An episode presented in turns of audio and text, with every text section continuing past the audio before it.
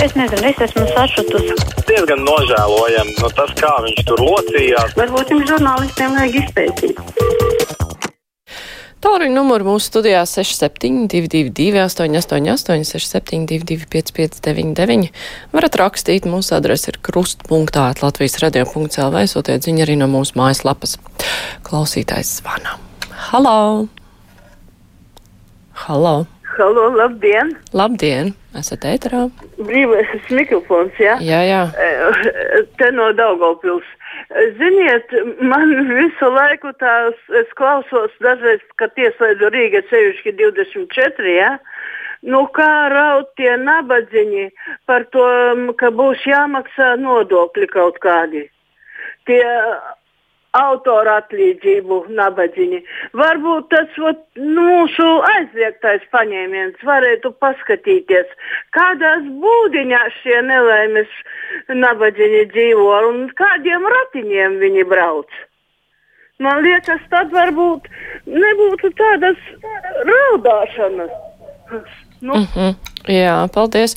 Iespējams, jūs domājat kādus konkrētus autora atlīdzības saņēmējus, bet visi jau nav vienādi. Ir tādi, kas saņem lielas autora atlīdzības, ir tādi, kas saņem mazas autora atlīdzības. Nu, viss nevar skatīt pilnīgi vienādi. Klausītājs zvana. Halo! Labdien! Labdien! Vai drīkst izteikties? Jā, lūdzu! Nu, vērojot, kas darās ASV, var droši apgalvot, ka Džordžs Orvels bija visīstākais gaišreģis.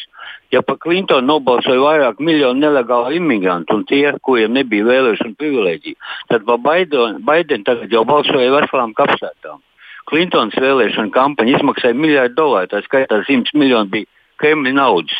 Trumpa kungs, kā jaunās paudzes politiķis, netēja liek naudu un savu vēlētāju uzrunāja Twitterī. Tagad Twitterī it kā sabiedriskais sociālais tīkls dzēš Trumpa kungu iekšā, vai pie katra kāds dežurējušais komjaunietis uzliek komentāru, ka tie ir meli vai nepārbaudīta informācija. ASV Demokrāta partija veiksmīgi pārņēmusi savu Kremļa saimnieku vēlēšanu viltošanas metodus. Ja Baltā namā būs demokrāti, mūsu krievmīlošās silas partijas vēl negantāk postīs Latviešu valsts, bet maz zombēšanas līdzekļu propagandisti melos tā, ka dūmu kūpēs. Jā, paldies. Jūs katru dienu sagatavojat tādu nelielu informatīvu izklāstu par ASV. Jūs varētu izdot to kādā izdevumā internetā publicēt. Tā, tā, tā Olafs raksta apetīti augēdot. Ekonomikas ministrijas priekšlikums valstī pilnā apmērā kompensēt darba nespējas lapas ir absurds un vērsts tikai uz komersantu bez riska uzņēmēju darbību. Galvenais, ka tas neveicina Covid prevencijas apstākļu radīšanu uzņēmumā. Ja pieņem šos noteikumus, atpakaļ veco, atpakaļ pieņemt veco kārtību būs grūti līdzīgs. Piemērs ir ar mikro uzņēmumu nodokli, kas pagaidu režīmā darbojas 12 gadus. Cik ilgi vēl turpināsies nekaunīgā uzņēmēja lobēto priekšlikumu gūzma uz tagadējo un nākotnes nodokļu maksātāju rēķina. Tā raksta klausītājs Olafs. Acīm redzot, viņš nav uzņēmējs, un acīm redzot, viņam nav jāmaksā slimības lapas daudziem cilvēkiem, kuri varbūt negrib riskēt iet viegli saaugstējušies uz darbu, kā to citkārt būtu darījuši. Klausītājs zvana Halo! Jā, Labdien! ļoti gribu runāt. Jūs varat runāt!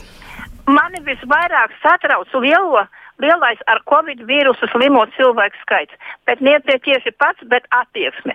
Ja cilvēks dzīvo divistabu un ir pat cilvēki, kas dzīvo vienistabas dzīvoklī, kā ir iespēja pašizolēties, ja cilvēks ir vīrusa nesātājs. Tai dzīvoklī taču varbūt vēl ir kāds draugs vai draudzene, varbūt kāds skolas bērns. Ir obligāti nepieciešamas Covid viesnīcas. Mūsu viesnīcu biznesa iet uz grunti. Ir vajadzīgas Covid viesnīcas, ne jau visas superluks līmenī, bet tādas, lai arī vienkāršie cilvēki, kuriem ir mazie dzīvokļi, spēj samaksāt. Un uz vietas, lai varētu pasūtīt ēdienu. Tikai tad mēs varēsim kaut ko pāris mēnešu laikā darīt. Ja slimie cilvēki būs kopā ar veseliem, viņi uz darba vietu aiznesīs vīrusu, viņi uz skolu un uz bērnu dārzu un uz transportu nes vīrusu. Jā, paldies par Covid viesnīcām. Jau diskutēju jau no pavasara. Tā bija tāda sakustēšanās, ka bija viesnīcas, kuras ir gatavas piedāvāt šo pakalpojumu. Bet, jā, protams, un es piekrītu, ka tā ir problēma. Nevelti mājasaimniecībās lielākā daļa ir inficēšanās kā rekordisti. Tur visvairāk cilvēki inficējas. Protams, visus gadījumus tur nevar atrisināt. Es nezinu vecākus, kuri būtu gatavi Covid viesnīcā, piemēram, atstāt savus bērnus vai arī nezinu, kam atstāt uh, savus bērnus, uh, ja neviens nav gatavs radinieks ņemt un atstāt viņus nepieskatītus. Bet uh, noteikti, noteikti kādam tas noderētu. Zana raksta vīrietim, kurš katru dienu zvana un slavē Trumpu, lūdzu, lai piestrādā pie dikcijas. Man sāp ausis, kad viņš runā. Ja radiožurnālistiem prasa skaidru izrunu, tādai pat prasībai jābūt pret regulārajiem zvanītājiem. Nu, es nepiekritīšu gan vai cilvēkam brīvā mikrofona dēļ būtu jātrenē dikcija. Protams, ir jauki, ja var saprast labāk, bet eh, nu, kāda, nu, kuram dikcija ir, tā ir. Dzintās raksta, labdien, man ir jautājums, vai tas ir normāli, ka viena no jūsu kolēģiem LTV publiski stāsta, ka reizi mēnesī pīpē zāli. Es tagad esmu spiests savai meitai teikt, ka tas tomēr nav normāli. Cintar, tiešām nezinu, par kuru kolēģi jūs rakstāt. Klausītājs zvana. Halā!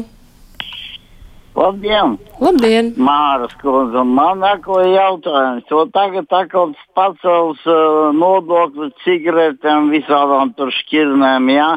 Nu, lai tik ceļu, kontrabandai būs baigā peļņa, nāks vagoni, vagonos pārvadāt cigaretes, kontrabandas mašīnās, visur.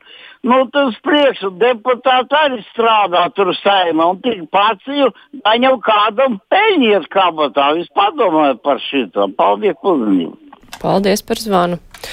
Ērikam ir apnicis tas nenotikušais politologs uz brīvo mikrofonu zvana kā uz darbu.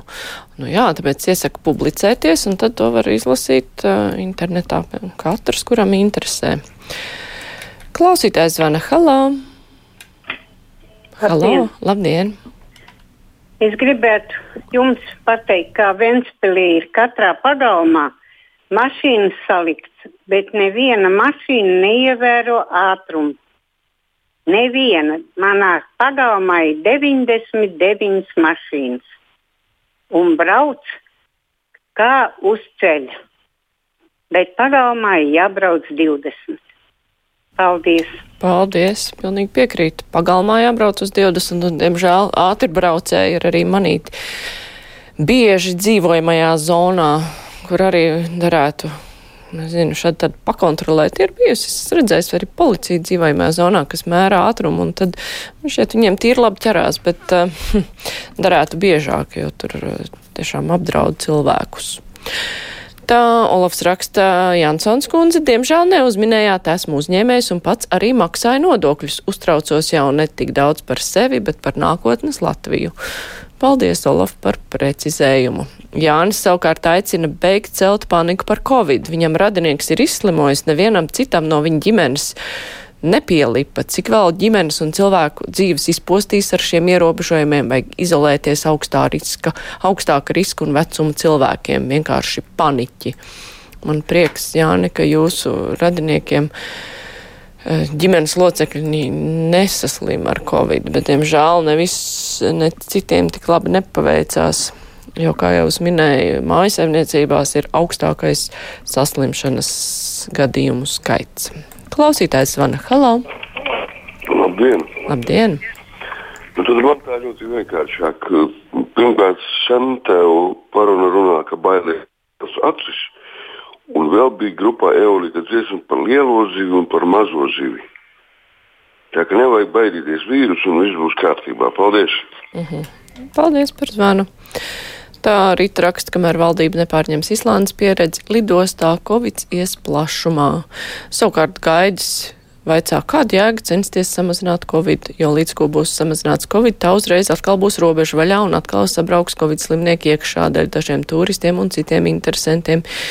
Ilgtermiņā zaudējumi ir lielāki. No nu, ar šo problēmu, diemžēl, galā tiešām ir grūti tikt, jo jāpalaiž. Un tāpēc arī visu laiku mēģina tā elastīgi kā tos ierobežojumus piemērot, bet ir ļoti grūti noturēties. Lai gan ir valstīm, kurām tas ir izdevies. Hm. Tā Sabīna raksta, mazāk vajag popularizēt covid muļķu un gobzemveidīgo domas. Tas tikai vairo apjukumu sabiedrībā. Jā, sabiedrība ir apjukusi.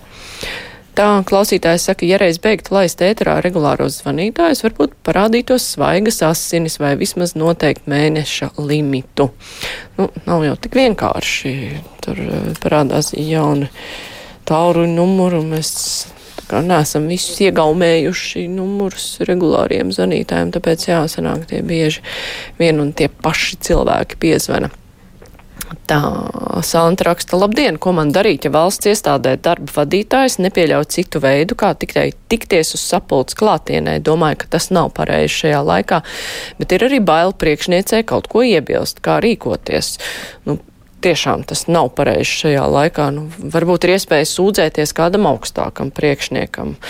Bet nu, var arī, nezinu, mēģināt Twitterī kādam par to runāt. Es nezinu, nu, grūti jau pateikt, ir kādas ir jums attiecības tur uz vietas, bet skaidrs, ka tas nav pareizi rīkot sapulces klātienē. Ir tik daudz tehniskas iespējas to izdarīt citādi. Klausītājs Vana Halā.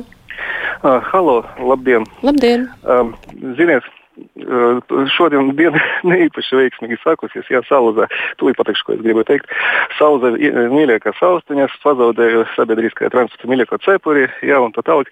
Bet es tā aizdomājos, vai, vai tā ir kaut kāda bēda, vai tas, tā, tas ir neveiksmīgs. Varbūt neveiksmīgs būs tad, kad rīt piecelšos un nevarēšu paskatīties pa logu uz svaigo sauli, kura no rīta atnākusi atkal pie manis. Jā. Jo gribu, lai cilvēki aizdomātos pirms noklausīties ziņas. Jā varbūt koncentrēties īpaši nevajag uz negatīvā, bet uh, pajautājiet sev, kas labs notika, kas slikts notika, un vai rītdiena atnāks, un ko jūs labu darīsiet, lai situācija uzlabotos personīgi jūs. Paldies! Paldies! Ļoti jauks ieteikums. Ar to arī brīvo mikrofonu beigsim. Tagad būs ziņas, bet pēc tam mēs diskutēsim par valdības darbu, cik tas ir bijis veiksmīgs šajā Covid situācijā. Tagad ziņas.